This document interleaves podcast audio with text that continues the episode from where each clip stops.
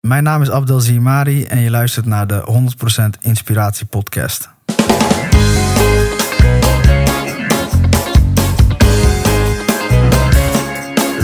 Hey, wat goed dat je luistert. Hij staat weer voor je klaar.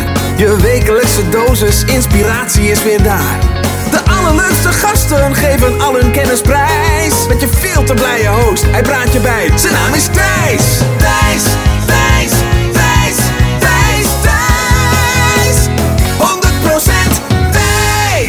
Ja, welkom bij weer een kerstverse aflevering van de 100% Inspiratie Podcast. En soms in deze podcast interview ik mensen die expert zijn op een bepaald gebied. Zoals eh, Thijs Launsbach, die alles weet over werken met millennials. En het voorkomen van burn-outs. Soms interview ik mensen die de beste ter wereld zijn geworden. Een topsporter die een gouden plak heeft gewonnen. En soms interview ik mensen die ja, gewoon een keiharde tegenslag hebben meegemaakt. Die trauma hebben meegemaakt. Ehm, ik durf al te stellen, bovengemiddeld eh, het trauma. En eh, daar toch bovenop zijn gekomen en het voor elkaar hebben gekregen. Om, eh, om weer de zin en betekenis in het leven te vinden en te herpakken. En zo iemand is Abdel Ziamari. Hij is 29 lentes jong. En in uh, 2006 heeft hij een verschrikkelijk ongeluk meegemaakt. Uh, hoe en wat precies, dat ga je ontdekken in dit interview. Ik uh, verklap al wel alvast dat er jaren van revalidatie uh, volgden. En dat hij heel veel dingen moest gaan herdefiniëren. Hoe hij dacht over het leven. En um, uiteindelijk heeft hij um, heel erg veel gehad aan een sport waar hij verliefd op werd, namelijk BJJ, oftewel Braziliaanse Jiu-Jitsu. En hij is inmiddels oprichter van zijn eigen BJJ school. En uh, tijdens dit interview vertelt hij dan ook gepassioneerd hoe BJJ meer is dan alleen maar een vechtsport. Hoe jou dat ook kan helpen om. Uh, om trauma's los te laten, om betere keuzes te maken en om uh, minder stress te ervaren in je leven. Ik, uh, ik waarschuw je alvast, dit is het eerste deel van het interview zou je een beetje kunnen zien als ziekenhuisverhalen. Um, wellicht weet je dat ik vroeger een periode had dat ik chirurg wilde worden. Dus het, het fascineert me nu eenmaal. Uh, um, ja, dit soort ziekenhuisverhalen. Dus ik vraag daar heel erg op door bij Abdel. Als je daar slecht tegen kan, dan uh, moet je misschien eventjes doorspoelen. En anders uh, stay gewoon tuned, want het is um, ja, ook gewoon uiteindelijk een, een heel mooi verhaal. Hoe Abdel ermee om is gegaan. En ik hoop dat het jou inspireert, want we maken allemaal shit mee om ongeacht de situatie, ongeacht de omstandigheden waarin je leeft, om toch weer die verbinding met jezelf te vinden. En van daaruit de juiste keuzes te maken. Hier is Abdel Ziamari. 100% wijs! Abdel Ziamari, yes. 29 lentes jong, zit tegenover mij. Je hebt een bijzonder verhaal. Daar, uh, daar ga ik en de luisteraar lekker van genieten. Yes. En um, nou, je doet hele toffe dingen met een mooie missie met je eigen BJJ, de, oftewel Braziliaanse Jiu-Jitsu school. Yes. Um, wat het is, dat wordt allemaal duidelijk komend uur. Uh, maar toch de eerste bekende vraag. Wat wil je worden als je later groot bent? Later groot ben, als in toen ik een kind was of nu? Ja, jij mag hem beantwoorden zoals jij hem wil beantwoorden. Oké, okay, dan beantwoord ik hem allebei. Uh, toen ik kind was, toen wilde ik altijd advocaat worden. Ja. Omdat ik dacht dat ik daarmee uh, al het onrecht in de wereld uh, kijk, kijk, kijk. zeg maar ja. kon rechtzetten. Zo van jongs af aan was ik altijd al bezig met ja, zo gevoelsmatig met onrecht en, en ja. en zo. Ja. En uh, nu, uh, nu ik 29 lentes jong ben, uh, doe ik eigenlijk hetzelfde dan, dan met mijn Braziliaanse huid. Dus ik doe uh, ja, weerbaarheidstraining geven om ja, het onrecht te voorkomen. Als in zeg maar fysiek geweld of, uh, of verbaal geweld. Ja. Um, dus dat is wat ik, uh, ja. Dus ik doe eigenlijk wat ik wil. Uh, nu ik groot ben. Dus, uh, je bent het onrecht aan het bestrijden met jouw uh, jiu-jitsu ja, school. Ja, ja, ja, ja, ja. Het, zo voelt het voor mij wel althans. Althans, dat is het. Dus ik zie die transformaties dus elke dag bij mij op, op de school. Ik zie hele timide kinderen binnenlopen die uiteindelijk na vijf weken training bij mij ja, een beetje brutaal aan het worden zijn. Ja. ja brutaal, aan, brut, brutaal aan het worden zijn. Dus dat ja. vind ik wel heel, uh, vind ik echt prachtig om te zien.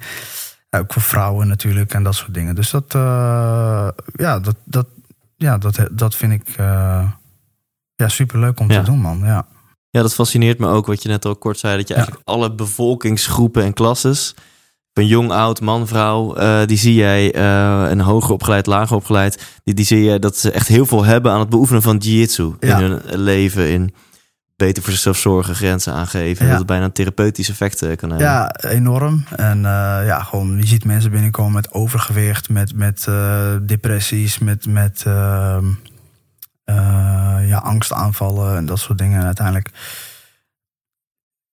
die stap zetten.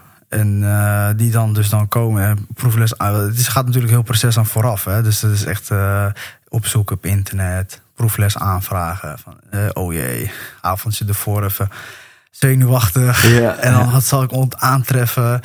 En dan gedachten in je hoofd. Is het wel wat voor mij of niet? En, en, en uiteindelijk dan kom je daar. En dan denk je, oh, het is toch wel leuk.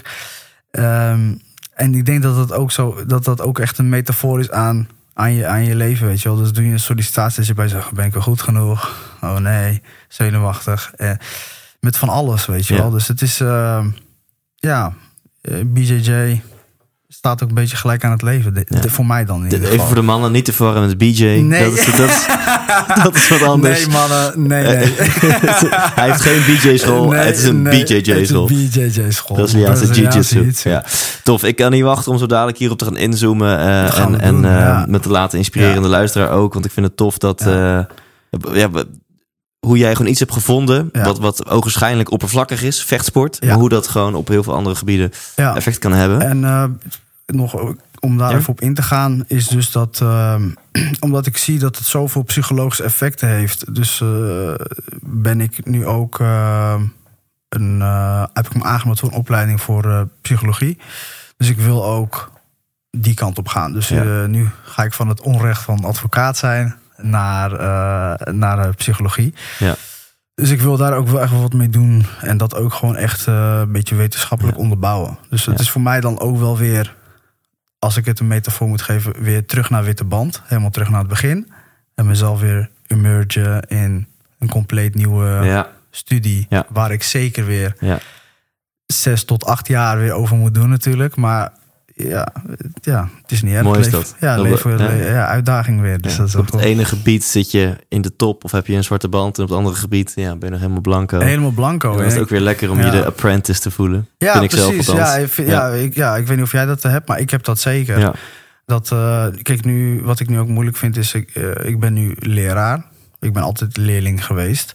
En nu moet ik nieuwe input hebben, want anders...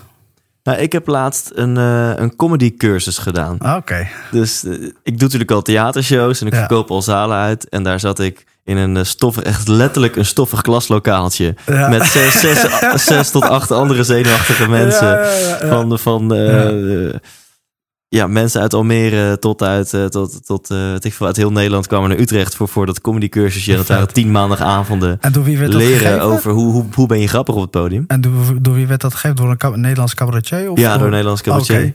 Eh, Hans. Hans, sorry, ik weet je achternaam even niet uit mijn hoofd. Theo? Maar, nee, nee, het was niet Hans stil. Nee, ja, laten we eerlijk zijn. De echte doorgebroken comedians... die gaan over het algemeen niet een comedycursus Nee, organiseren. nee, nee. Maar dat, daar voelde ik mij... dat- Sterker nog, daar was ik natuurlijk gewoon 100% een leerling. Maar het was... eh, Mijn neef is een hele tof. bekende comedian in, in, Nederland. En hij schijnt heel grappig te zijn. Maar dat- Ali B is jouw neef. Nee, nee, nee, Nee, nee. Nabil Oulat Ayat. Nabil Oulat Ayat. Hij is, wel, hij is volgens mij eh, wel bij eh Najib Amhali getekend, als ik het goed Oh, Oké, heb. oké. Maar ehm, hij is wel heel grappig. Ja. Maar dat wist ik van jongs af aan altijd al. Maar, eh, Maar we, we dwalen af. Misschien Ja, moeten we een keer zo'n Joe Rogan drie echt, uur gewoon een conversation podcast eh, gaan precies. houden. De Maar, voor- maar voor nu ehm, wil ik het hebben over jouw verhaal. Want dan begrijpt de luisteraar ook wat beter waar jouw fascinaties ontstaan voor de sport. yes. En ehm, je ziet er nu hartstikke fit en gezond uit. Dat ben je ook. Dat was je in principe ook in 2006. Ja. Totdat jij met je scootertje over de Nijverheidsweg Noord crossed hier in Amersfoort. Yes. En eh, kan je even vertellen wat er toen gebeurde? Eh, nou, ik was onderweg naar mijn werk. eh, net eh, begonnen met een nieuwe studie. Ehm, ik reed dus op de Nijverheidsweg inderdaad in Amersfoort. En op een gegeven moment ja, werd ik aangereden door een, door een bus, busje. Ehm, hij wou, ik was, dit is allemaal wat ik nu allemaal ga beschrijven, is allemaal letterlijk binnen twee seconden gebeurd. Ja, Ehm, dus ik, ik reed. Eh, hij kwam van de zijkant, hij keek niet, hij was aan het bellen. Sloeg niet af. En eh, ik had een, een scooter, eh Gilera. En het leek een beetje op de Ducati Monster. Dus ik weet niet of je Ducati kent, maar dat is een beetje zo'n sport. maar dat was daarvan afgeleid. Ja. Waardoor je ook echt op de scooter zat alsof je op een motor zat. Oh ja. Maar het is gewoon, hij reed gewoon 50. En toen, dacht, toen kwam hij dus van links. Toen dacht ik bij mezelf, oh nee, niet mijn benen. Omdat ik altijd al weet je, met sport bezig was, dacht ik bij mezelf van nee, ik wil niet verlamd raken, ik wil mijn benen niet kwijtraken. Dus ik gaf ietsjes meer gas. Alsof je al een soort van besefte, ik, ik ga gewoon geraakt Ik ga worden sowieso straks, geraakt maar, maar niet met benen. Maar hoe weet ik nog niet. En eh, dus ik moest eh, echt milliseconden beslissing Ja, ja, nemen. Dus ja. toen gaf ik iets meer gas. Waardoor eh, hij. ja, dus ik dacht van oké, alles of niks. Dus ik denk of hij, of hij raakt net het laatste stukje van mijn scooter. Of eh, hij raakt gewoon, gewoon vol op mijn zijkant, weet je wel. Maar niet mijn benen. Ja, Nou, hij raakte me dus op mijn achterwiel. eh, eh, dus ik maakte een spin. De scooter vloog letterlijk een, mm, ja, echt vijf tot acht meter richting in de pui van de Citroën dealer. En ik ging dus eh, zes meter de andere kant op en twee meter hoog in de vlaggenmast. En mijn hoofd, mijn hoofd en mijn voeten klapten zeg maar letterlijk op elkaar. Dus ik klapte dubbel. En eh, ik kwam dus eh, twee meter naar beneden op mijn hoofd terecht. En dus je, je, je, vliegt de lucht in, je knalt tegen een vlaggenmast. ja, En daar, ja, je bent, ja, je bent gewoon overgeleverd aan, aan, aan de, de, de, de snelheid die je hebt. ja. En, en daardoor klapt je lichaam dubbel. Mijn lichaam klapte dubbel. Ehm, nou, het is, ik denk dat hij een kilometertje of 30 afsloeg. Dus 30, 40, 35 kilometer. Hij sloeg echt heel snel af. En ik reed dus ook ongeveer 30, 35. Toen ik een klein beetje gas gaf, was het waarschijnlijk 40. Dus die impact die kwam dus volledig op mijn buik eh, bij die vlaggenmast. Dus het was echt een mega harde knal. Ehm, eh, ja, letterlijk al mijn ingewanden. Daar kwam ik later dan achter, hè, toen ik in het ziekenhuis was. Maar letterlijk, zo voelde het ook. Al mijn ingewanden waren gewoon, eh, ja, gewoon eh, mega beschadigd. Dus Ja. eh, ik voelde gewoon echt een klap. Het leek alsof ik al, ik voelde ook een heel warm gevoel in mijn buik. Dus alles begon ook te bloeden, zeg maar, van binnen, interne schade. Ehm, Ja, je zei net, je, je darmen lagen eh, zo'n beetje op straat. ja, mijn darmen lagen een beetje op straat. de helft. Want door die impact kwam letterlijk mijn darmen via de achterkant eruit. En aan de voorkant een opening, zeg maar, door, door, door, doordat ik werd geraakt door de paal. Ehm, jij vroeg toen straks van, eh, was je, bij bewust, eh, was je onbewusteloos? Ik was dus niet bewusteloos. Dus ik was echt gewoon bij bewustzijn. Eh, wat dus volgens de doktoren heel gek is. Ja. Ehm, wat wel gebeurde is dat ik dus ja, letterlijk aan het, flauw, aan het flauwvallen was. Steeds op, eh, ik werd wakker en ik, ik ging weer terug. En, en Maar was je, je ligt op straat op, je rug, denk op ik. mijn rug. En, Ja, en je, je kijkt naar beneden, naar je buik. En je ziet gewoon dat je darmen eruit liggen. ja dus ik, ik, ik lag een beetje zo op mijn linkerzij. Dat weet ik nog heel goed. en eh, ik was helemaal netjes aangekleed, want ik had een feestje die avond. dus mijn beste kloffie had ik aan. En, eh, en eh, toen dacht ik, oh, mijn Hugo Bos. Nee, geintje. Dus toen dacht ik van, nou, oké, dit is echt niet goed. En ik zag het en toen eh, werd ik dus daardoor heel alert. Terwijl je daar eigenlijk normaal... eh, dus ik dacht, oh, dit is niet goed. Maar door, de heft, door zo'n intense pijn die ik had, die, die, die, die ik niet kan beschrijven... ehm, wou mijn lichaam, ik wou gewoon slapen, leek het wel. Dus ik, Ja. wou, gewoon, ik wou gewoon oud gaan. Ja. Maar ja, door al die adrenaline en, en alles, de- denk ik niet dat het. eh, ik kan niet zo goed uitleggen wetenschappelijk, maar ik denk dat daardoor dat ik wakker bleef. Ja. Eh, grote groep studenten van de school tegenover die kwam rennen, die stonden bij de bushalte. Tot op de dag van vandaag eh, weet ik nog steeds niet wie dat meisje was, maar er was een meisje die bleef me op mijn gezicht slaan om me wakker te houden. En eh, tot de ambulance kwam, want eigenlijk eh, was de helikopter onderweg, maar de ambulance was eerder. Ja. En toen werd ik dus afgevoerd. Eh, dus toen werd mijn kleding, mijn kleding kapot geknipt, een nieuwe kleding. Dus ik zei, niet mijn jas. Wauw. Toen zei die vrouw van, nu ophouden. Van, nu ophouden. Want ik, ik wist natuurlijk niet de ernst van de situatie. Dan zei ik van, niet mijn jas, want die is net nieuw. En toen zei ze van, Abdel, nu ophouden, want... ehm, eh, anders gaan we je niet meer helpen. Dus dat, eh, Oh, wauw. dus, dus ja, omdat ik, ik was heel erg aan het bewegen. Het is van niet bewegen, want ze wisten natuurlijk niet of mijn nek was beschadigd of mijn, wat Ja. dan ook. Ehm, en, en, en de politie kwam ook en ik, ik zei dus van, dit is het kenteken, dit is het kenteken, die en die auto. Dus ik, ik wist gewoon, eh, het is heel raar, maar Hij was die doorgereden? seconde- hij was doorgereden, ja, hij was doorgereden. Ja, hij was doorgereden. Holy fuck. Ja. Dus hij ziet in zijn achteruitkijkspiegel een scooter naar links en een, en een persoon naar rechts Nou, hij wist dat hij mij had geraakt natuurlijk. Ik bedoel, de impact was zo hard. ja, natuurlijk. Maar hij reed gewoon door. En eh, later toen kwam, eh, want ons bedrijf was dus aan het einde van de straat, hè, ons autobedrijf van de familie. Nou, toen kwam mijn oom, eh, die, en, en die zei van, waar is degene die me heeft aangereden? Dus van, ja, die, die, die is er niet. Van, hoe bedoel je, hij is er niet? Ja, hij is gewoon, ah, ja. Hij heeft eh, later de politie gebeld. Zei hij van, dus hij is gewoon doorgereden. Ja, dat willen we niet zo zeggen, maar ja, hij, ging eh, naar binnen om te bellen of wat dan ook. Whatever. Hoe kan je nou iemand laten liggen eh, die net hebt aangereden en ja, gewoon doorrijden? Dus dat, dat is mij nog nooit. Dat ik bij mezelf denk, ja, ik bedoel, hoe moet ik dat beste zeggen? Van, eh, het zou nooit in mij opkomen. Ja, je kan, je, kan, je kan niet bevatten dat je zoiets zou nee, doen. nee, nee, absoluut niet. Dus ehm, ik stop zelfs als iemand iemand anders heb aangereden en dan denk ik, kan ik helpen, weet je wel? Ja. Dus dat is eh, voor mij. eh, Ik snap dat nog steeds niet, maar goed, dat is, ja, het is in het verleden. Dus Ja. dat is, Ja. En toen, eh, nou, helaas toch jouw jas kapot geknipt. Helaas wel. Ja, ja. Alles kapot geknipt. Want En- ik werd uiteindelijk eh, helemaal open, bloot op de straat. eh, word je dan opengeknipt. Hè? En dan Ja. lag ik daar letterlijk in mijn onderbroek. En werd ik afgevoerd. En daarna is het mij een beetje black, blackout. En toen kreeg ik medicatie toegediend waarschijnlijk. Ja, Toen werd ik wakker in het UMC. ja. En, dit, en, en, en hoeveel tijd zat ertussen? Want uiteindelijk hebben ze jou in een kunstmatige coma gebracht. Kunstmatig gekomen Maar was pas later. Dat was later, oké. Dus je bent eerst in het ziekenhuis wakker Ja, geworden. ik werd eerst wakker in het ziekenhuis onder zo'n... eh dat, ken je dat geluid? We hebben wel eens MRI-scan gehad. Eh, nee. Nou, dan hoor je echt hele rare geluiden. hoor Echt zo. "Arr, arr, arr", Van hele rare Ja. geluiden. Dus ik, ik werd, toen werd ik wakker. En toen stond mijn moeder eh, en mijn vader stonden naast mij. Ja. En ik had ja, geen idee wat er was gebeurd. Ehm, dus toen had ik wel. Ja, ik wist niet waar ik was. Toen zei ik van, wat is er gebeurd? Eh, oh, ik ben aangereden toch? En een beetje op zo'n manier. En toen zei mijn moeder van, eh, ja, je gaat nu MRI-scan in en zo. Dus ik ging de MRI-scan in. Dan ga je echt zo'n zo'n eh, apparaat in. Ja. En eh, toen kwamen ze dus erachter dat ik interne bloedingen had. Uiteraard, hè, want de darmen die, eh, die hingen overal los. Ehm, en op een gegeven moment toen werd ik teruggebracht naar, nadenken hoor, naar, naar de afdeling. Eh, waardoor, waar er toen iets in mijn buik was ge- geknapt. Dus eh, toen kwamen alle afvalstoffen vrij in mijn, in mijn buik.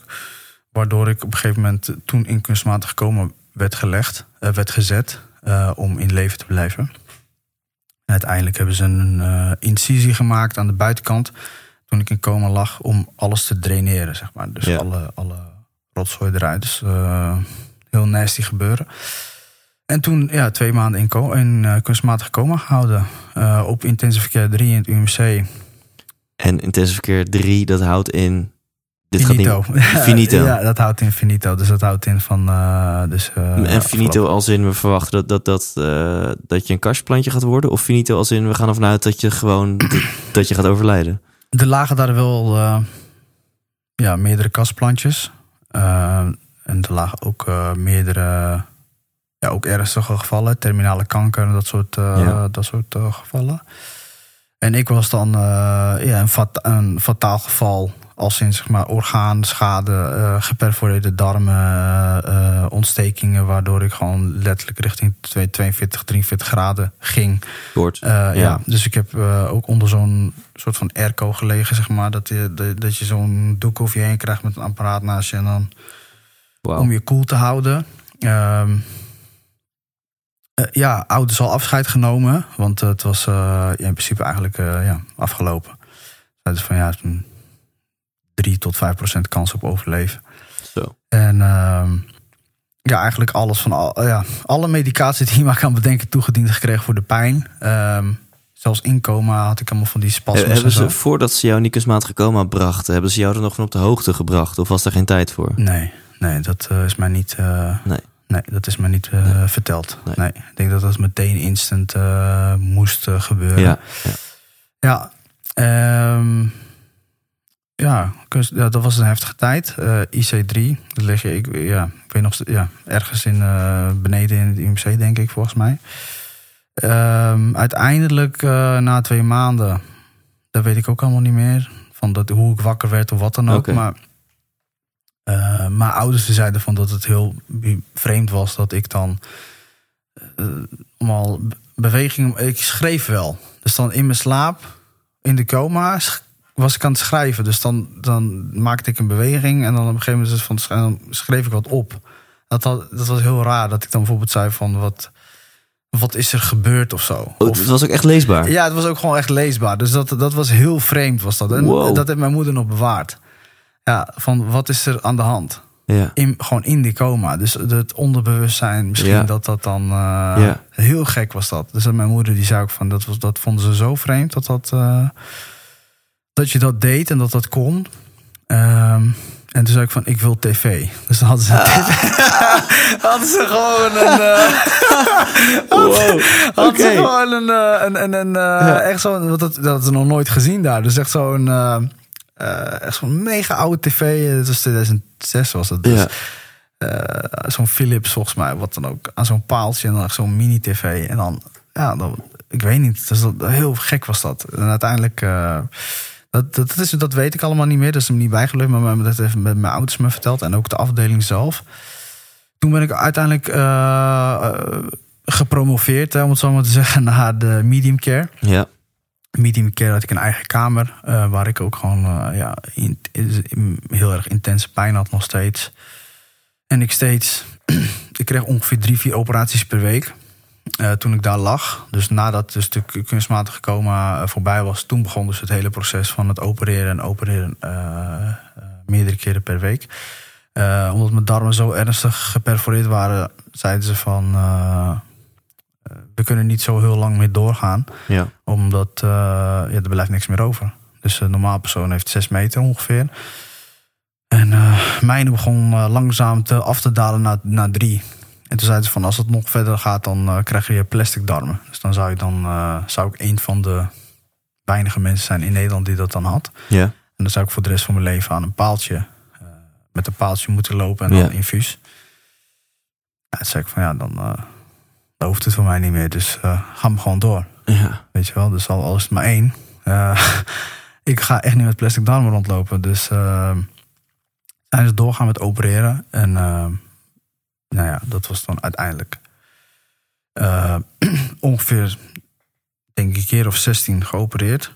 En toen eh, kwam er een eh, grote operatie aan. Dat was een huidtransplantatie van mijn been op mijn buik. Dus voor, voor de kijkers of voor de luisteraars, om een beeld te geven, is dat er wordt dan gewoon met een soort kaasschaaf wordt er een huid van je been afgehaald. Dat kweken ze dan en dan maken ze het wat langer en dan om dat dan tussenin je buik te, te zetten. Dus je buikspieren zijn dan links en rechts van je in plaats van voor. Eh, je navel en zo, dat wordt allemaal aan de kant gezet, dus dat wordt geopend en ehm, ja, dus ik kon letterlijk in mijn darmen kijken. Er zat gewoon een, stukje folie overheen, eh doorzichtbare folie. En dat was het. Ja, dus, Moet je wel tegen kunnen. nou ja, dus eh, dit heb ik nog nooit eerder verteld, maar mijn vader die eh, kwam dus een keer per ongeluk binnen. En eh, die kwam dus een keer per ongeluk binnen en die kan daar heel slecht tegen. En eh, mijn moeder kan er heel goed tegen, mijn vader niet. En eh, die kwam dus binnen op medium care. Deed het gordijntje open en die zag dus, dus letterlijk ja, mijn binnenkant. Ja. En die is dus instant grijs geworden. Dus aan één kant van zijn, van zijn hoofd is hij in één keer grijs geworden. Gewoon grijze haren. Wat? Ja. Zo'n intense shock had hij. Maar wacht even. D- dat is later. Is die grijs geworden? Ja, dus eh, in die loop van die week. Ja, ja. Echt ja. gewoon in één keer. Mijn vader had pikzwart haar altijd. En dus In, in één week In is aan één- kant van zijn hoofd is langzaam grijs geworden. eh, ja, Ja. gewoon echt gewoon, donk, gewoon wit-grijs. Gewoon echt gewoon ja. grijs, en dat grijs. is nog steeds zo. nog steeds, ja. Wauw. Echt een trauma meegemaakt. Ja. Ja, hij was zo. Ja, dat was gewoon zo'n shock voor hem dat hij gewoon. Ik denk dat gewoon al zijn fight, flight, eh, hoe je dat ook wil noemen, echt alles. Ja. Ja, Ja, dat is zijn zoon natuurlijk. Hè? Dus dat is, eh, ja, het is gewoon zo'n shock meegemaakt. Ik weet nog steeds niet wat dat precies is. Dat zou ik eigenlijk nog even willen onderzoeken. Maar hij was ja, gewoon echt gewoon zo geschrokken dat Ja. dat eh, helemaal zijn hele, ja. hele brein heeft veranderd bij wijze Ja, van. ja. Dus, nou, eh, je, je hoort vaker van dit soort, eh, of nou vaker, je hoort wel Ja. eens van dit soort wonderverhalen. Hoe ook eh, voor mensen die schizofreen zijn, die kan de kleur van hun ogen veranderen als ze in een ander karakter zitten, zeg maar. ja.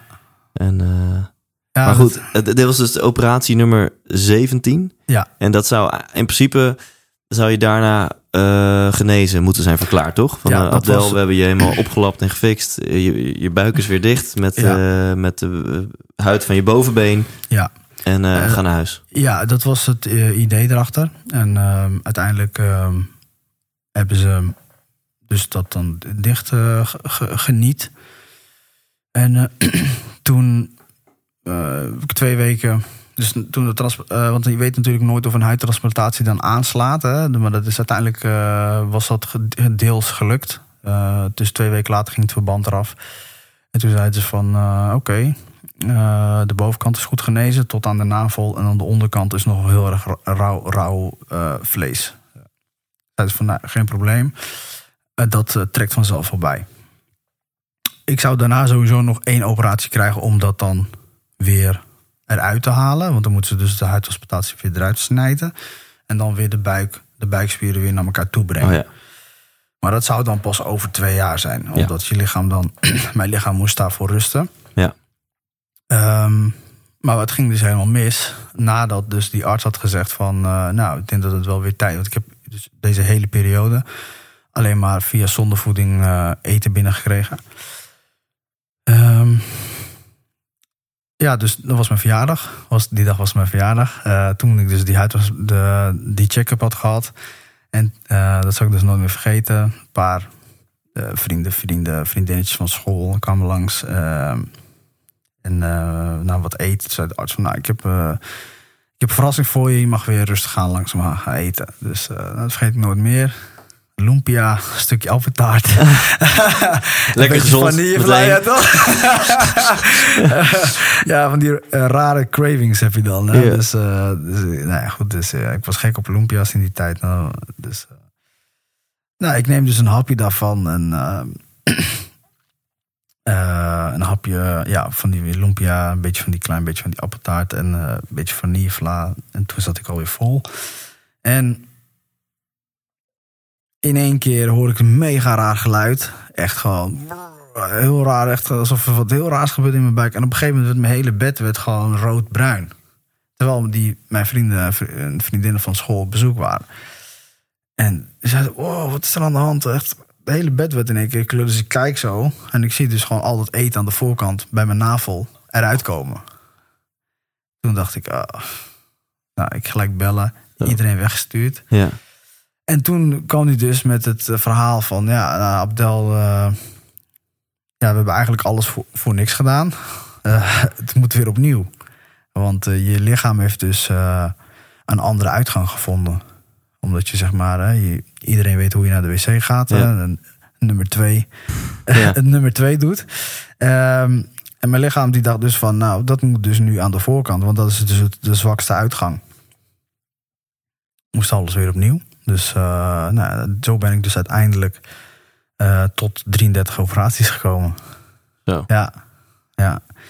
En ehm, nadat ik dus de, het ziekenhuis heb verlaten, zat ik ongeveer volgens mij op, op operatie 28 o- ongeveer. Ehm, toen moest ik dus naar het revalidatiecentrum in Utrecht, eh, de Hoogstraat. Eh, daar heb ik vier jaar gewoond, eh, ongeveer. Dus eh, twee jaar moest ik aansterken voor de grote operatie om de huidtransplantatie eruit te snijden. Dus Ja. ik moest eerst daarvoor fysiek trainen. Dus elke ochtend opstaan, zes uur ochtends in het zwembad zitten, therapie, ergotherapie, enzovoort, enzovoort. Fitness. En toen ben ik echt als een madman gaan lopen trainen. Zoals een arts zei van je mag hier maar vijf, vijf keer een herhaling van doen, dan deed ik het 25. Ja. Dus En, en waar kwam dat vandaan? ja, drive. Gewoon, ja, gewoon jezelf. Ik wilde me gewoon, mezelf gewoon weer echt opbouwen naar gewoon een, eh, eh, een normaal persoon. Dus eh, Ja. naar, naar hoe ik eerst was. En, en eigenlijk dus, dus twee jaar heb je echt als een soort van monnik geleefd. Van Ja. zes uur Ja. opstaan en dan de zwemmen, Ja. ergotherapie, et Ja, cetera. de hele dag vol. van zes tot vier. Eh, alleen maar trainen. Ehm, ja, en ik deed altijd meer dan mocht. Maar ook een hele gecompliceerde tijd meegemaakt. Eh, ik woonde ook op, een... eh, ik, ik werd eerst bij de jeugd gezet. Nou, dan zit je gewoon aan tafel met kinderen met hersenvliesontsteking... zonder armen, zonder benen. Ehm, ja, gewoon echt... dat je bij jezelf denkt van ja, oké... er zijn toch wel mensen die het slechter dan, dan ik hebben. Ehm, Ja, want hoe, hoe zat het met, jou, met jouw zingeving in, in die periode? Je was hartstikke jong, je was 17, 18. ja. Ja, En eh, je, je kan eh, niks doen wat jouw leeftijdsgenootjes gewoon doen elke dag. Ja, ik was dus ook gewoon echt compleet eh, gedistanceerd van de normale samenlevingen. Dus ik had geen telefoon, ik had geen internet. Ik wist niet eens wat, dat, wat Facebook was of wat. Weet je, dat, dat, dat, had, ik, dat had je niet in die. laten zeggen, ik had dat niet in die tijd. Mhm. Dus ik was echt gewoon compleet op mezelf. eh, met mijn eigen gedachten elke dag. Ja, ehm, zingeving. Ja, ik denk dat het gewoon is van... oké, kijk hoe we vandaag... eh, wat er vandaag gaat gebeuren, weet je wel. Misschien ga ik, begin ik te lekken, misschien begin ik te bloeden... misschien ga ik vandaag wel dood. Ik zie het wel. En ehm, eh, uiteindelijk, ja... Dus natuurlijk, de podcast is natuurlijk te kort om alles eh, te vertellen. Eh, maar uiteindelijk eh, ben ik dus beland op de volwassenenafdeling. eh, omdat ik toen 18 werd. Toen moest ik terug naar het UMC. Na die periode om dus de huidtransplantatie eruit te laten snijden.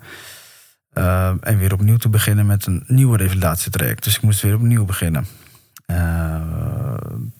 Eh, daar ook weer complicaties, want eh buik was weer dichtgemaakt. En op een gegeven moment kwamen ze de hechtingen eruit halen. Eh, je moet het zien als een soort visdraad, wat dan 200 keer om je, om je in het midden van je buik dan wordt Mhm. omgedraaid. Om alles bij elkaar te houden. En op een gegeven moment, toen dat eruit werd geknipt, toen klapte alles weer open. Dus de hele buikwand was weer open. Ja. Moest weer terug en weer opnieuw.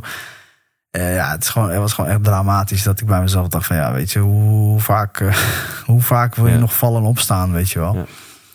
En dat was dus eh, bij mij, dat, dat, dat soort dingen gebeurde mij dus constant. Ja, goed, nooit, in principe eigenlijk nooit opgegeven. Ik dacht bij mezelf van oké, laat ik in ieder geval niet meer lekken en niet meer bloeden en Ja. niet meer open zijn. En dan kijk ik dan wel weer verder. Weer terug naar de Hoogstraten, weer intense revalidatie, weer zes uur opstaan enzovoort. enzovoort. Eh, elke dag keihard trainen. En toen eh, ja, kwam eigenlijk de grote klap. En dat was dus mentaal. Dus na dus de fysieke revalidatie, toen eh, kwam dus de mentale klap. En dat ik, ik kon op een gegeven moment niet eens meer één, één A4'tje lezen. Dat ik bij mezelf dacht, wat, wat, ben ik hier aan het lezen? Ik, Ja. ik heb geen idee wat het is. Echt een aandachtspan van een kind van één. Ja. Echt eh, overal, eh, ja, geen, ja, ik kon nergens mijn kop erbij houden. Dus Mhm. ik was echt helemaal eh, van padje af. Ja. Op de een of andere manier. Dus mijn brein werkte gewoon niet meer. Toen zei het tegen mij van, nou ja, goed, jij... jij moet naar een niet aangeboren hersenletselkliniek. En toen zei ik van, nou, wat is dat? Dat is van, nou ja, niet aangeboren hersenletsel is, is dit en dit. Hè? Ja, je hebt een ongeluk meegemaakt en eh, trauma enzovoort. Dus je gaat daarheen en het wordt eh, een eh, rustperiode voor jou. Dus werd een beetje verkocht alsof ik naar een eh, resort ging. Waar ik helemaal tot mezelf kon komen zen. Hè? Maar, ja, eh, ja. Ja. dat werd- oké, eh, oké. het buffet Ja, en gewoon lekker chillen. Ja. Voetjes bij het zwembad. Ja, ja, ja. Ik dacht van, nou, dit, dit, dit wordt het. Ik zei, ja, Sign me up. Ja, precies. Ik denk, waar, waar, waar is dit dan? Ja, in Den Dolder. Waar ik dus later achter kwam, dus dat het eigenlijk gewoon een gesloten inrichting was. Waar ook gewoon TBS'ers, eh. TBS'ers, kleptomanen, pyromanen, eh, pedofielen, ehm, mensen met een beroerte. ehm, ehm, we hadden daar zelfs iemand rondlopen die in één keer wakker werd en alleen maar Russisch kon spreken en Frans. Ja. Dus dat, dat soort eh, vreemde verhalen, Ja. zeg maar. Die, die eh, mensen die dus echt eh, hun brein ook gewoon niet meer werkt. Ja. Volgens, eh, als, nou goed, wat wij Ja, dan dus- denken dat het brein werkt. ja, hè. maar daar voelde jij dus eh, wat minder thuis dan... eh, En ik denk, oké, wat doe ik hier? wat, eh wat de hel, wat, wat doe ik hier? Ik, moet echt, ik moest ook gewoon, het was echt midden in een diep bos. Geen telefonisch bereik, niks.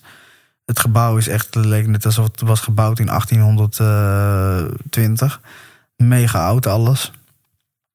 Gesloten inrichting houdt dus in dus dat je dan zeg maar voor de deur staat, een beveiligde deur aanbellen. Deur gaat open, deur gaat weer achter je dicht. Nog een deur en dan nog een deur en dan ben je pas binnen. Ja. Ehm, eh, dus ja, een hele heftige tijd. Ik heb daar twee jaar gewoond. Eh, ja, twee jaar gewoond, ja. En eigenlijk deed je niks daar. Dus het was eigenlijk gewoon één keer op een maandag. Dan ging je naar je neuropsychiater. En dat was het. Dat was dan de hele... En dan deed je wat testjes hier en daar en dat was het. En dan zat ik gewoon helemaal alleen op een kamer. Geen tv, geen telefoon. Helemaal niks. En, en als je nu zo terugkijkt, heb je het idee dat dat hielp? Heb je het idee dat dat... Absoluut niet. Dat is het, de, Ja, dat is de, de twee jaar die ik van mijn leven nooit meer terugkrijg. En die, de, waar ik het meest, eh, waar ik het meeste van baal. ja. Want dat is, dat, dat is gewoon. Want de, de gedachte was van de artsen... Jij, eh, je brein nou, is beschadigd door, door die eh, klap tegen die vlaggenmast, tegen die Mhm. paal. Ga maar even twee jaar gewoon niks doen. Ja. En dan eh, is je brein uitgerust of zo. ja, dat was een beetje het idee erachter.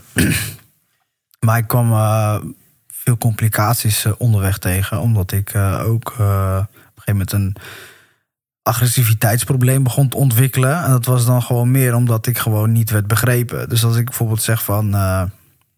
eh, dat bijvoorbeeld jij bent dan de psycholoog of de psychiater... en dat jij dan tegen mij zegt... ja, Abdel, je hebt een trauma meegemaakt... en eh, ik stop jou in deze box. Ja. En ik zei, nee, dat is het niet. Ik ben gewoon al lang blij dat ik leef. En enzovoort, enzovoort. En ik wil gewoon weer terug naar huis. Ja. Nee, nee, want die bent op dit moment ben je nog een gevaar voor de samenleving. Eh, omdat je dan in één keer een uitspatting kan krijgen. Nou, dus ik zeg, ja, maar dat komt omdat je niet gewoon naar mij luistert, weet je wel. Ik, ik, ik voel me gewoon oké. Het is alleen, ik heb een aandachtsprobleem. Ik heb gewoon een, een aandachtsprobleem en daar wil ik bij geholpen worden. Ja, nee, maar je hebt een trauma meegemaakt, dus dat kan niet. En dan ging het zo steeds door. Zo denk ik, jongens, houd toch op, man. Ik, het gaat gewoon Ja. prima. Ik wil gewoon, weet je, het is hetzelfde dat ik, ja, ik sluit je op in deze kamer en dan wil ik dat je toegeeft iets wat je niet hebt gedaan. Ja. Maar ik laat je pas gaan als je toegeeft dat En- je het wel hebt En gedaan. dan neem je het mij kwalijk dat ik, dat ik gek word na twee jaar. Precies, Ja. ja. dus dat was het. En, en dat was een beetje het gevoel wat ik daaraan heb overgehouden. Hey, maar wat, wat dan veel interessanter is, wat heeft dan uiteindelijk wel geholpen? Nou, dat ik daar wegging. Dat heeft geholpen. Want in principe, het enige wat je daar deed was dan ja, echt van die lullige klusjes van eh, ja, ruim de vaat was eruit en, en eh. Weet je, en elke dag 15 pillen in je mik, eh, morfine, weet je, om je gewoon stil te houden.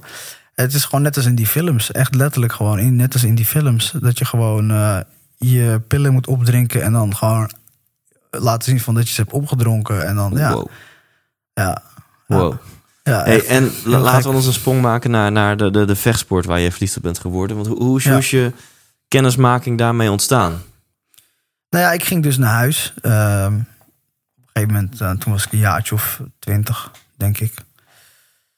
Eh, heel gek gevoel. Ja. Eh, je, je bent in één keer weer met andere mensen, met familie en zo. En, en nie- ja, het was heel raar. Ehm, toen dacht ik van oké, ja, nu moet ik iets gaan doen. En toen ging ik terug naar school. Ehm, eh, ik heb trouwens in die periode, dus dat ik op het, in het revalidatiecentrum woonde, ging ik nog in, met de rolstoel naar school. Ja. Eh, en dan probeerde ik nog wat van, wat, wat, wat van te maken, maar dat lukte niet. Ehm, uiteindelijk eh, dus thuis terug beland. eh, weer studie op, proberen op te pakken. En weer begonnen met, met sporten. Nou ja, toen, ging, toen sloeg ik door. Dus toen ging ik echt alles doen. Ja. En waardoor ik ook gewoon echt helemaal geblesseerd raakte. Wat niet, niet echt een goed idee was. Maar dus die mentaliteit die zat daar mij dan mij weer in de weg. Ja. Van door, door, door, door, Ja, door. ja. En ehm, nou, dat is dus een paar jaar zo doorgegaan. Ja. Eh, uiteindelijk echt gewoon puur, puur toeval. Echt, ik snap nog steeds niet hoe dat is ontstaan. Ik zat thuis achter de PC en ik was toen een filmpje aan het opzoeken over eh, maar ge- gewicht heffen. Ja. Dus eh, omdat ik toen echt een beetje into het gewicht heffen zat en, en een eh, beetje explosiviteitstraining voor, voor bokstraining wat ik toen deed. En toen kwam ik, zag ik dus rechts onderin met dik gedrukte letters choke. Choke. Oké, en ik zag dus later de man die dus mijn leraar zou worden, dat is Hickson Gracie, die stond dan zo op die foto. Ik, wie is dat dan? Ik klik erop en ik dacht, nou, oh, twee, anderhalf uur dood. Ah, kijk wel even vijf minuten. En op een gegeven moment, ik hoorde zijn stem en op, toen dacht ik bij mezelf van, dit is iets. Oké, dit hier wil ik naar kijken. Dit is interessant. Dus hij, hij begon met een eh, soort van inspirational eh, eh, qu- quote. Toen dacht ik van, dit is interessant. Toen ging ik kijken en toen zag ik dus van een ve- vechtsport. Ja. Dus ik verder kijken. Maar de documentaire ging zo diep. De documentaire heet Choke van mijn uiteindelijke me- meester Hickson Gracie.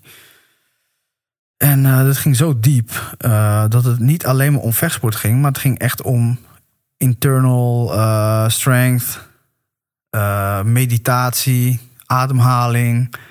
eh, ja, van alles. Hey, dat is mijn ding, weet je wel. Van, dat heb ik allemaal met- ook een beetje meegemaakt met mijn, met mijn ongeluk. Ja. Eh, dus het, gaat, het gaat niet om het fysieke, maar het gaat echt om de spirituele of oftewel het, het interne strength, internal strength. Nou, dus zag ik dat echt helemaal geweldig. En eh, hoe hij zijn voorbereiding deed voor zo'n gevecht. En dan ging hij gewoon, iedereen was dan pumped up. Hij ging dan echt zijn ademhalingsoefeningen doen. En dan op een gegeven moment ging hij gewoon slapen. Dan ging hij gewoon zijn adem. En dan zei hij dus in die docu bijvoorbeeld van. eh, my opponent, he, eh, weet je, zijn hartslag is, his heartbeat is 140, mine is 120, he's 160, I'm 140, he's 180, I'm 150, and then he's dead and I'm still alive. Oh ja. Dacht ik van zo, wow, dat is wel echt intens man. Ja. Eh, dacht ik van, damn, dat is wel echt gewoon. En dan zijn je kijk op vechtsport en het leven. Toen dacht ik van, zo, dat wil ik doen. Ik gelijk Google. eh, specifiek Hickson Gracie Jiu-Jitsu. Want ik heb natuurlijk geen idee wat dat is. Ja. En toen kwam ik dus Amsterdam terecht. Dus eh, ik dat aanklikken. Nou, proefles gelijk gemaild. En laatst eh, liet ik dat dus aan mijn leraar zien. Dus mijn eerste mail naar hem toe. Jij dacht, ik ga hem gewoon mailen. Ja, dus Ja. ik dacht, nee, ik had hem dus gemaild voor een proefles. Ja, ja. Toen zei ik van, kan ik meedoen met een beginnersles? Nou goed, ik dus daarheen. Hij zei, ja, prima, kom maar langs. Ehm, eh, en ge- gek genoeg heb ik dus nu een eigen BE-school. Ja. En dus toen liet ik hem op zijn, op zijn, eh, op zijn aanraden, moest ik, moest ik dat doen. Ja. Dat heb ik gedaan. En toen liet ik hem dus die mail zien. Zeg ik, moet je kijken joh. Dit is gewoon mijn eerste mail aan jou. Eh, v- volgens mij zes jaar geleden, vijf, zes jaar geleden. En nu heb ik gewoon eigen studenten en eigen community en zo. Ja.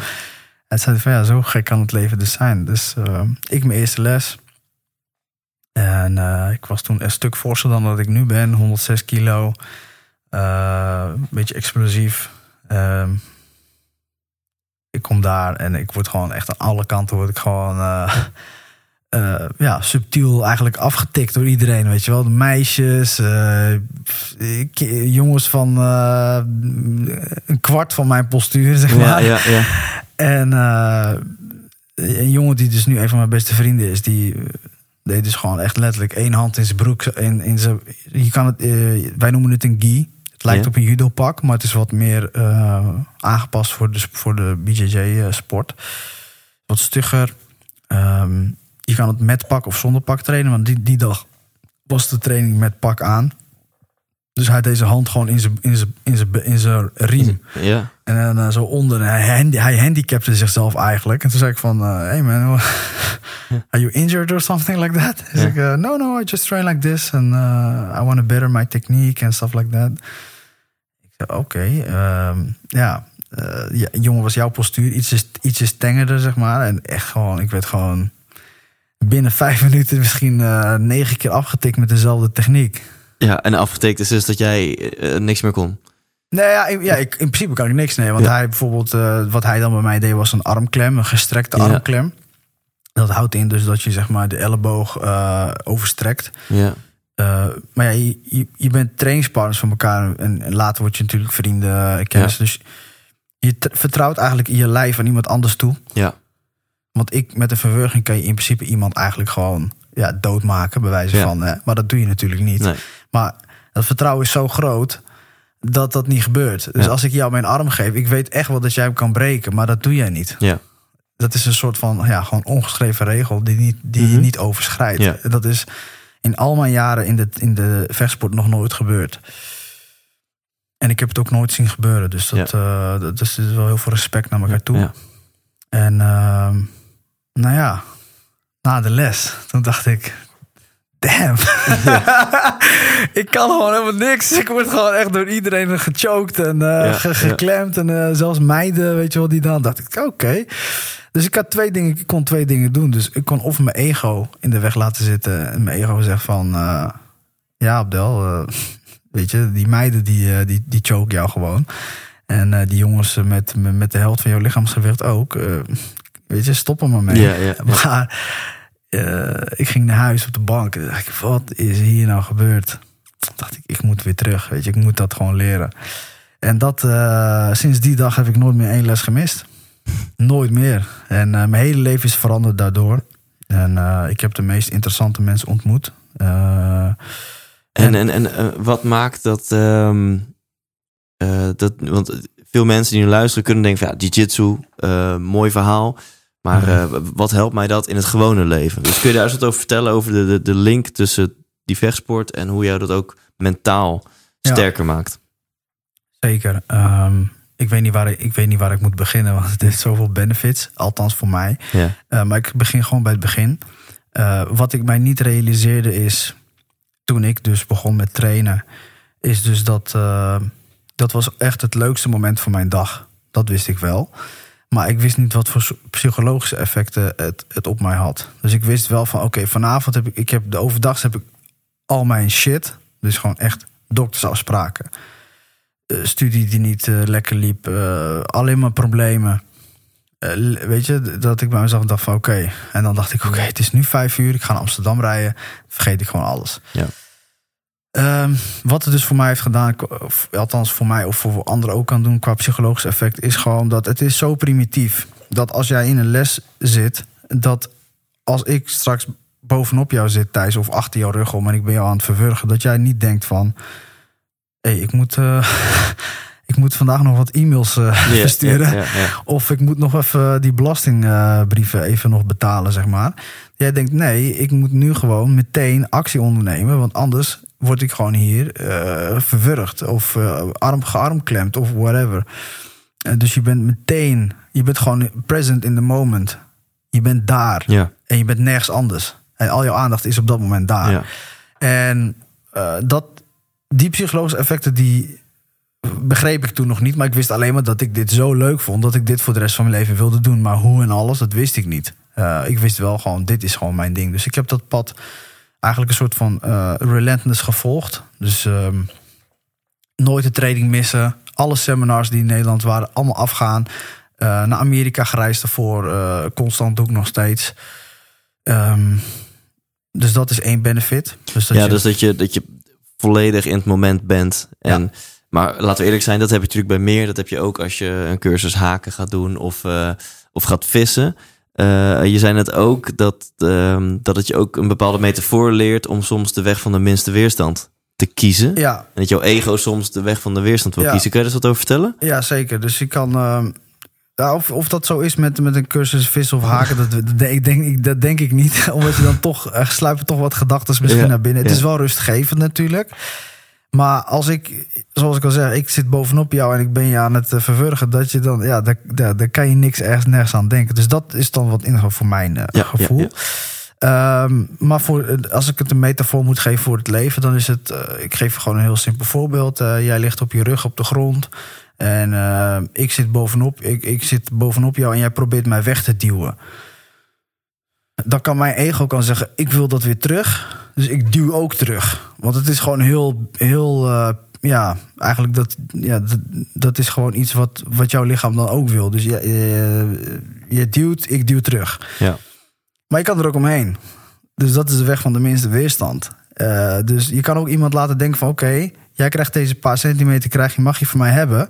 Maar ik pak het wel via een andere manier. Ja. En dat is dan een beetje ook hoe ik dat dan ook zie in de business, in de businesswereld. Ja. Is van. ehm, dit is een heel gek voorbeeld, maar dit komt nu in één keer in mijn hoofd. Ik heb een keer een, eh, een, eh, document, of een podcast gezien met eh, Patrick Bet David. Het is eh, een hele succesvol ondernemer in Amerika.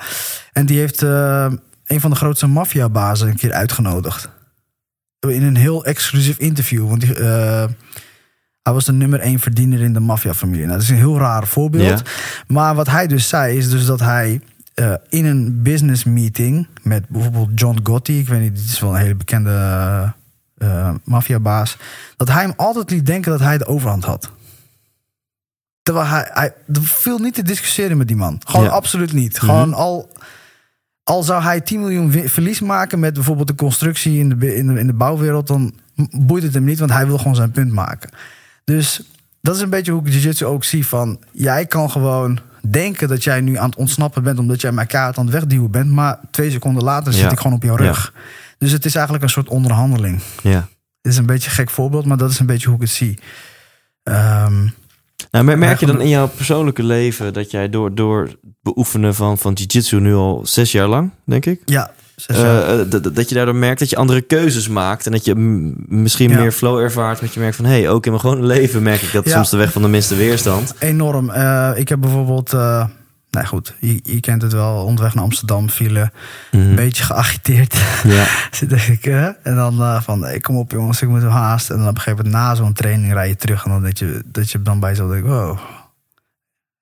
Maakt allemaal niet uit, laat maar komen. ja. En nu eh, ik dus wat meer ervaren ben in de sport, heb ik, heb ik dat gevoel nu al. Dus ook al zou ik nu in de file staan, bij wijze van, Ja. en dan iemand steekt de middelvinger naar me op, dat ik dan na het lachen dan zeg van, hé, hey, Goed man. hey, goed man, hey, weet je wel.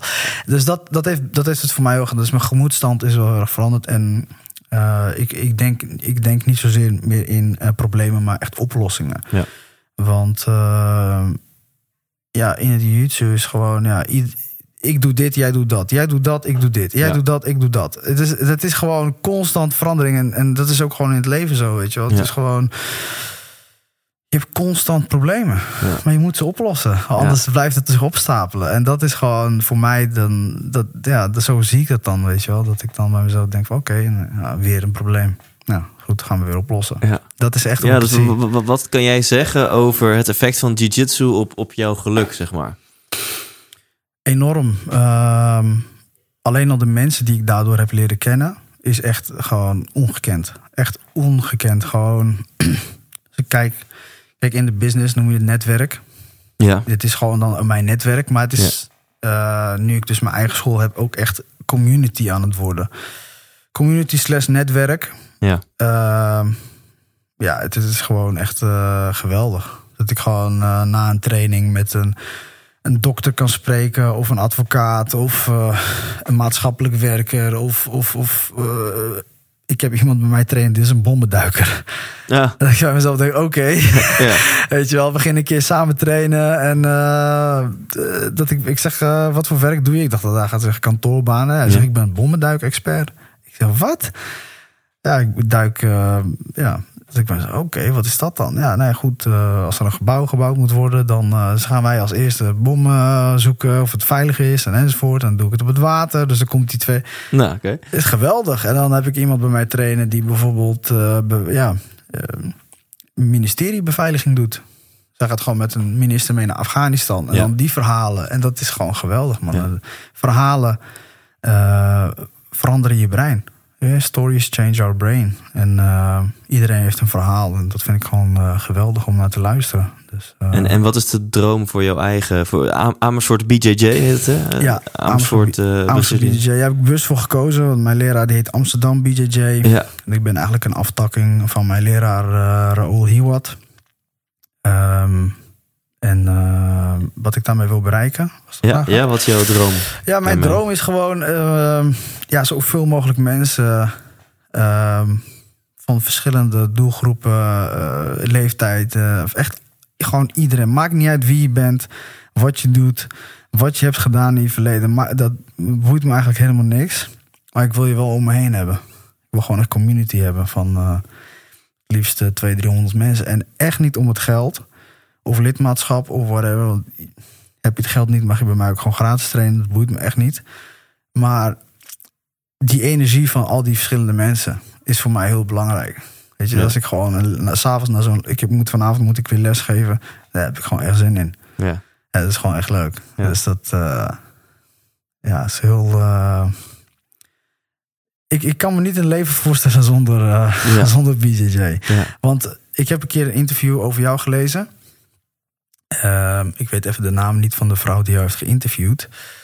Maar jij zei ook van je moet een dubbel leven leiden. Ik weet niet of je dat nog weet. Ja, nee, ik, ik, ik, kan, ik, kan het mogelijk anders verwoord hebben, maar go, uh, ga, door. Ja, ik kan het je zo laten zien. maar uh, dat je zegt van uh, je moet een dubbel leven leiden. Dus jij bent dan, zeg maar, je hebt jouw business, duurzaamheid business. En dan heb je je theaterbusiness, en je creatieve kant. En ja, ik heb dat dan ook. Dus dan heb ik dan bij mezelf. Uh, ik heb twee levens. Dus ik heb gewoon mijn uh, drie levens. Ik heb gezin. Ik ben net vader geworden. En dan uh, de beste baan in de wereld. en dan heb je gewoon je normale werk. Dus dan, ik werk dan met blinde en autistische mensen. maatschappelijk. En dan heb ik mijn passie. Ja. Dat is dan bij een BJJ. Dus dan heb ik overdag heb ik dat. En dan heb ik s'avonds heb ik dat. En dan, ja, dat, daar kan geen tv of Netflix-serie nee, tegenop. Nee, nee, precies. Dit is jouw ultieme manier van op een, op een gezonde manier aan je ontspanning komen. Ja, het is echt, het is na fysieke inspanning komt ontspanning. Ja. En, en, en uh, ja. een beetje lijden hoort daarbij. Ja. Weet je, dat is gewoon, zo voel ik, zo voel ik me dus in leven. Dus als ik, uh, als ik dus een beetje aan het lijden ben, ook dacht ik ben aan, het sparren, ik ben fysiek bezig, met techniek aan het drillen. Uh, ja, na de, na de storm komt de stilte dan, voor mij dan. En voor de jongens, die mensen die dan mij trainen ook. En dan, uh, ja, dat is gewoon geweldig, man. Echt waar, echt, echt geweldig. Ja, dus wat ik hier uithaal, als ik er een soort van metatip uit kan halen. Want tuurlijk zit hier ook de, het advies in van jongens, ga BJJ verkennen. Maar niet voor iedereen zal het misschien resoneren. Niet elke luisteraar zal misschien morgen zo'n proefles aanvragen. Maar nee, het zorgt er wel voor dat je op een duurzame manier aan je ontspanning komt. Op een gezonde manier. Ja, precies. Kijk, weet je, kijk, bijvoorbeeld voor mij uh, is dat nu wandelen, bijvoorbeeld. Met mijn dochter. Weet je, gewoon met de kinderwagen en dan gewoon ja. uh, podcast in van Thijs Lindhout. Kijk, kijk, weet je, En dan, uh, en dan dat Want even voor de duidelijkheid, jouw dochter is, is drie, drie is weken. Drie weken, ja, ja precies. Weken, ja. dus niet, niet dat mensen denken, oh ja, kan toch ook een gesprek met haar voeren? Ga je podcast nee, luisteren? Nee, ze is drie. drie weken. En ze, ze, ze, maakt gekke geluidjes nu, maar uh, het komt langzaam op gang. Maar uh, dat is voor mij ook ontspanning. Voor mij uh, meditatie is ook ontspanning. Dus zoek gewoon iets uh, waar je jezelf uh, mee uh, kan ontwikkelen. Kijk, bijvoorbeeld, ja. fitness is natuurlijk prima. Je gaat naar de gym en je doet, je doet wat. Maar wat ik dus vaak ervaar, is dat mensen dat op een gegeven moment saai vinden. En dan op een gegeven moment ook mee stoppen. En dat is zonde. En weet je, laat het BJJ zijn, laat het boksen zijn, laat het kickboksen, laat het yoga zijn. Ja. Maar zoek wel echt een leraar ja. die je ook wel echt wat kan leren. Weet je wel, dus ja. Dat, is wat ik bedoel. Ja, misschien bedoel je het zeggen, of, of misschien is dat mijn beeld. Ja, dat graag. Uh, dat, dat de. Um, het gaat, zoek je activiteiten op waarbij je juist meer de verbinding met jezelf vindt. Of zoek ja. je activiteiten op waarbij je juist meer de verbinding met jezelf kwijtraakt. Ja. En je gaat me niet vertellen dat je na twee uur Netflix het gevoel hebt dat je de verbinding met jezelf hebt gevonden. Nee, ja, dat denk ik niet. En dan helemaal niet als je twee uur lopen te zappen of Astro TV aan het kijken bent. Ja, ik denk, ik denk dat ehm, als je geen passie hebt in je leven, dus echt iets waar je gewoon echt voor uit je bed kan komen elke dag. Het klinkt heel cliché, maar als je dat niet hebt, en ik heb dat zelf ook gehad, dat je, ja, mijn leven was toen niks waard. Dus ik was toen gewoon echt, ik stond op. Ik ben zo, oké, wat ga ik vandaag doen? Ja, ja, oké. En nu word ik wakker. Ja, denk ik, ja, ik kan die jongens niet teleurstellen. Ik kan die meiden niet teleurstellen die mij trainen. Die kinderen. Ik heb echt wat voor om, wat, om te leven, weet je wel. En zij... Uh, misschien uh, is het... Uh, ja, is nu, ik zie het altijd zo. Je hebt oppervlakkige fases in alle aspecten van, van, van het leven. Dus voeding, training, werk enzovoort. Die sociale contacten. Je hebt het oppervlakkige gedeelte. Dus bijvoorbeeld stel ja, je, gaat naar, je, je, je, je bent dik, eh, je bent overgewicht, je, je, wil, eh, je wil afvallen. Eerst wat je dan gaat doen, ja, ik wil een schema, want ik wil Ja. dan eh, ik wil afvallen. Ja. Dat is dan jouw eerste doel. Maar dat is een heel oppervlakkig doel, want als je dat doel daarna hebt bereikt, dan, dan denk je, ja, ik ben afvallen, het is klaar. Maar bijvoorbeeld, hoe ik dan bezig was, we hadden het toen straks over voeding. Ik ben bijvoorbeeld heel ehm, spiritueel met mijn voeding. Dus ik ben bijvoorbeeld, ik denk niet aan nu niet aan afvallen, dat had ik in het begin. Nu denk ik, oké, eh, dan toen was het nou ja, groente, broccoli, eh, kip, eh, rijst, de, Ja, bekende, usual, usual. En nu denk ik, oké, waar komt mijn eten vandaan? Oké, waar komt mijn eten? Is mijn, is mijn eten biologisch? Is mijn eten biodynamisch? Ik eet dan nu biodynamisch, dat is Demeter. Komt uit Duitsland. Is eh, boeren die om de zeven jaar stoppen met het verbouwen van die grond en dan gaan naar een andere grond. Ja. Om die grond weer te laten rusten. En daar geloof ik nu heel erg in. Dus dat is, dan ga je wat dieper graven in, in, in, in, in dat aspect van, eh, of sorry, in dat onderwerp. Ja. Dat is hetzelfde met training. Als jij op een gegeven moment heel oppervlakkig gaat trainen, gaat naar de basic fit. Ja, misschien vind je dat leuk, maar ik ben benieuwd of je dat nog over 20 jaar doet. Ja. Ik weet zeker dat ik over 20 jaar nog steeds PJJ aan het doen ben. Ja. Ehm, en eh, niet eh, mijn biceps aan het pompen ben in de gym, zeg maar. Ja, tenzij Arnold Schwarzenegger heet. Ja, maar precies. dat is Nee, een beetje. Dus, maar Arnold, Ja. zoals je zei, Arnold Schwarzenegger, die ging er spiritueel mee om. Arnold, het was meer dan een bicep pomp voor Arnold. Het was echt zijn manier van leven. En ehm, ik ben gek op biografies. Eh, Ja. bio, biografisch, hoe het Biografieën? biografieën en documentaires. En als je ziet bij alle grootheden. Ik ben absoluut geen grootheid, dus eh, dat is niet wat ik bedoel. Maar ik haal daar mijn inspiratie uit. Dus Ja. ik was bijvoorbeeld gisteren eh, Kobe Bryant. Ik heb helemaal niks met basketbal. Maar zijn boodschap over zijn manier van trainen... Ja. I'm gonna outwork everybody... eh, omdat hij een, een, een chip op zijn shoulder had... omdat zijn vader ook een professionele basketbalspeler was... Het is, ja, iedereen dacht dat ik eh, privileged was. Dus ik ging gewoon drie keer zo hard werken dan de rest. Ja, Ja, nice. ja, ja Michael tof. Jordan, hetzelfde. Of Arnold Schwarzenegger. Ik heb helemaal niks met bodybuilding. Maar ik kijk het wel. Want ik, hij heeft een hele andere boodschap dan eh, de voorfront. En dat zijn zijn spieren. Maar dat gaat helemaal niet om die Nou, ik, spieren. ik, ik, ik denk dat we dat gemeen hebben. Want Toch? eh, Ja. dit is interview nummer 150 of iets in die richting. Ja. Eh, ik, ik, Ja. ik, ga- ik kan er geen genoeg van krijgen. De autobiografieën van mensen en hoe zij, ja, ik vind het prachtig. hoe Man. zij naar de wereld kijken en dan bereikt hebben wat zij bereikt hebben. En als we dan naar jou kijken, we hebben het over twee dingen gehad: over jouw ongeluk en daarna de revalidatie. Mhm. En, en over jouw passie voor jiu-jitsu, Braziliaanse jiu-jitsu. Ja. Ehm, is er een verband tussen die twee? Denk jij dat als je het ongeluk nooit had gehad, dat je nooit in aanraking was gekomen met BJJ? Ehm, dit vind ik een hele interessante vraag. Eh, ik, ga, ik, ik, ga ik ga het anders beantwoorden. Ehm, kijk, hoe kan ik dit het beste zeggen?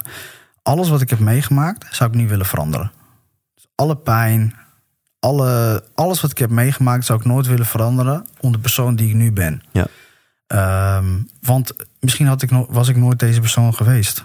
Dus eh, misschien was ik eh ja, Netflix, Netflixende gast met een zak chips op de bank na zijn kantoorbaan bijvoorbeeld. En niet dat daar wat mis mee is, maar ik, ik, eh, ik heb nu echt het gevoel dat ik in connectie ben met mijzelf.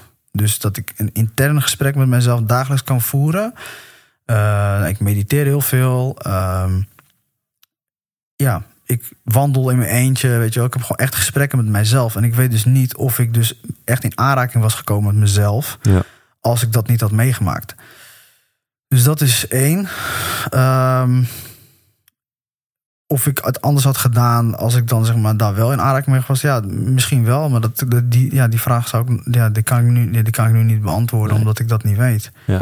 Ik weet wel hoe ik het toen heb gedaan en hoe ik het nu zou doen. Dus ik weet wel dat ik echt met eh, ja, veel eh, eigenlijk agressie rondliep, zeg maar, in mijzelf. Omdat ik niet begreep waarom dit nou bij mij was gebeurd. Dus Ja. dat ik bij mezelf denk, ja, van, ik weet niet of ik dat mag zeggen, maar what the fuck, weet Ja. je wel? Van, hoe kan dit?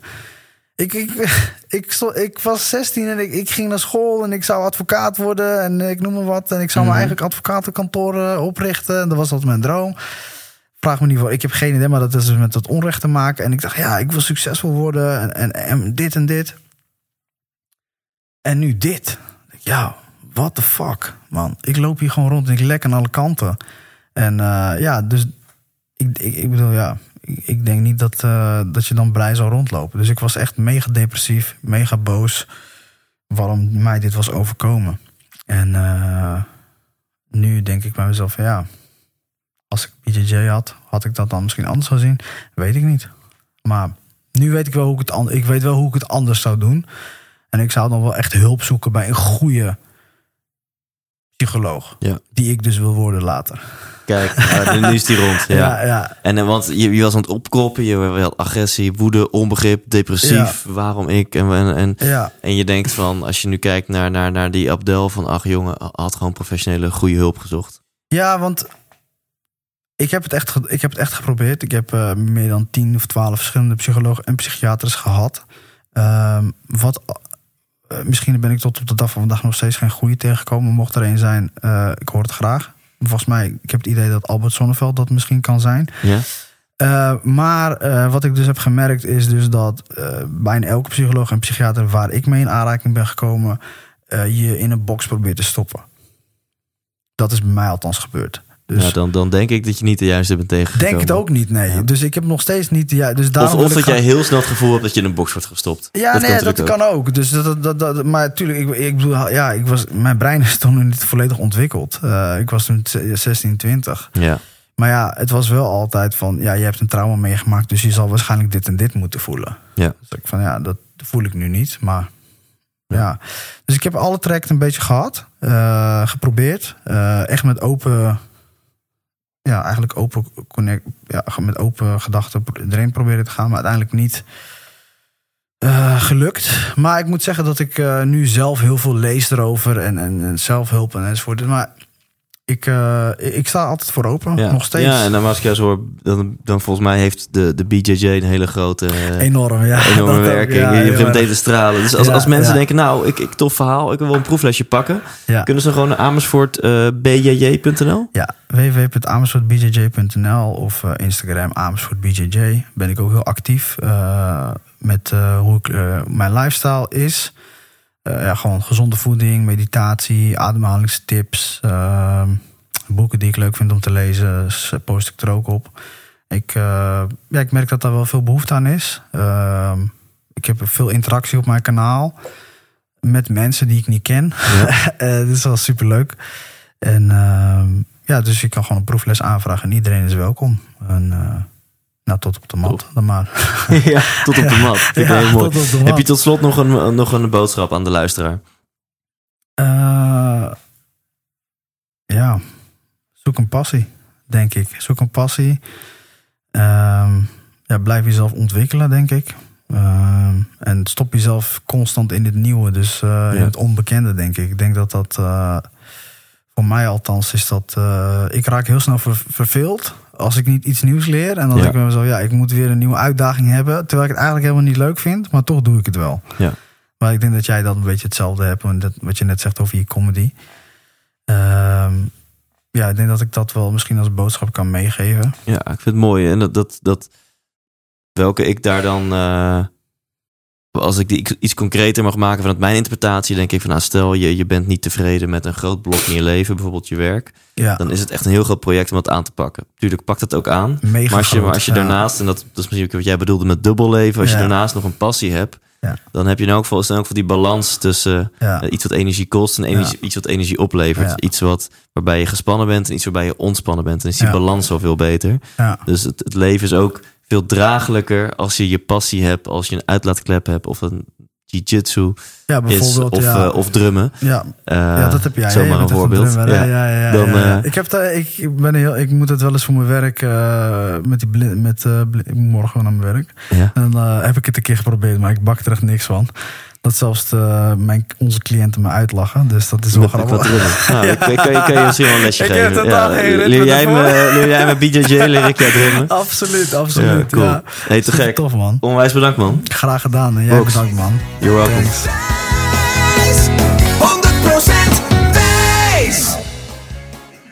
Thanks, thanks, thanks voor het checken van deze aflevering. Wil je meer inspiratie? Ben je net als ik zo'n inspiratietijgertje?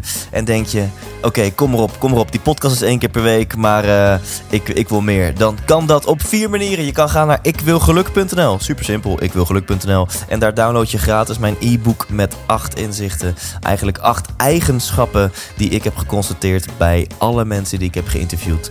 En wat maakt dat zij uh, vaak bovengemiddeld gelukkig of succesvol zijn. Uh, dus een heel tof e-book die jou helpt bij jouw persoonlijke zoektocht naar geluk en succes op ikwilgeluk.nl. Je kunt mij ook volgen op Instagram. Uh, mijn account heet Thijs Lindhout. Je kunt um, ook naar mijn theatershow komen, de 100% Inspiratieshow. Dat is gewoon een hele toffe avond uit waar je iedereen, je, je, je, je, je broers en zussen, je ouders, je vrienden, je buren, je huisdieren, je schoonfamilie, je collega's, iedereen mee naartoe nemen. En um, tijdens die avond ga ik jou uh, niet alleen uh, entertainen, een leuke avond bezorgen, maar ook um, uh, hopelijk inspireren. In elk geval mijn beste inzichten met jou delen. En tot slot denk je, fuck, ik wil ook een podcast, lijkt me super vet. maak dan niet dezelfde fouten die ik heb gemaakt. Leer van, van alles wat ik heb vergaard en verzameld op dit gebied in de afgelopen vier jaar. En ga naar ikwilpodcast.nl, want daar kun je mijn online training aanschaffen en deel ik alle geheimen van de chef met jou. En um, wat je ook kunt doen is gewoon blijven luisteren, want volgende week een nieuwe aflevering. Tot dan, leef intens.